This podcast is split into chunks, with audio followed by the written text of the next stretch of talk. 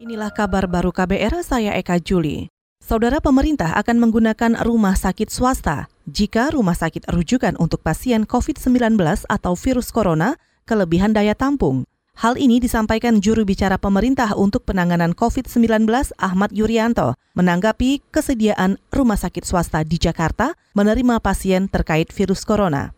Namun, ia tidak menyebutkan rumah sakit swasta mana saja di Jakarta yang sudah menyatakan kesediaannya itu. Beberapa rumah sakit swasta juga berkontribusi, tetapi mereka mengatakan kami tidak usah dimasukkan sistem Pak, nanti kalau memang sudah penuh semua kami akan terima. Ya, tapi mereka memiliki kemampuan untuk itu. Juru bicara pemerintah untuk penanganan COVID-19 Ahmad Yuryanto menyebut saat ini ada delapan rumah sakit di Jakarta yang menjadi rujukan pemerintah untuk merawat pasien terduga atau terinfeksi COVID-19.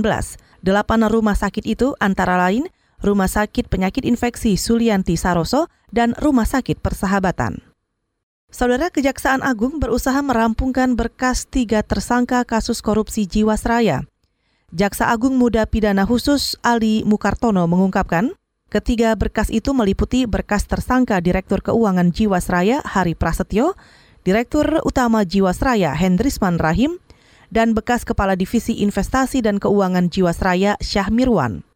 Ali Mukartono mengatakan Kejaksaan Agung mengutamakan penyelesaian pemberkasan perkara korupsi ketimbang tindak pidana pencucian uang atau TPPU sebab kasus TPPU masih dalam proses pemeriksaan saksi-saksi. Itu kan uh, supaya ada yang selesai lebih dulu, gitu loh. Nanti yang belakangan siapa gitu. Nah, itu kawan-kawan di atas masih begitu. Masih saya prioritas saja. Kalau kalau saya arahkan kepada yang hanya korupsi saja dulu. Hmm. Karena kalau yang ada TPPU kan masih masih meriksa orang. Nah, belum selesai kan ada yang didakwa dengan korupsi saja karena tidak ikut TPPU, ada yang ada TPPU-nya. Kira-kira begitu. Itu tadi Jaksa Agung Muda Pidana Khusus Ali Mukartono. Sejauh ini, Kejaksaan Agung mengaku sudah memeriksa 140-an saksi dan menggeledah 16 tempat.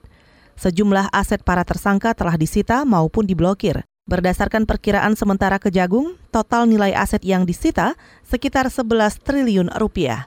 Penyitaan itu untuk mengembalikan kerugian negara yang diprediksi mencapai 17 triliun rupiah. Perhitungan kerugian negara oleh BPK terkait kasus Jiwasraya diperkirakan selesai satu minggu ke depan. Saudara demikian kabar baru, saya Eka Juli.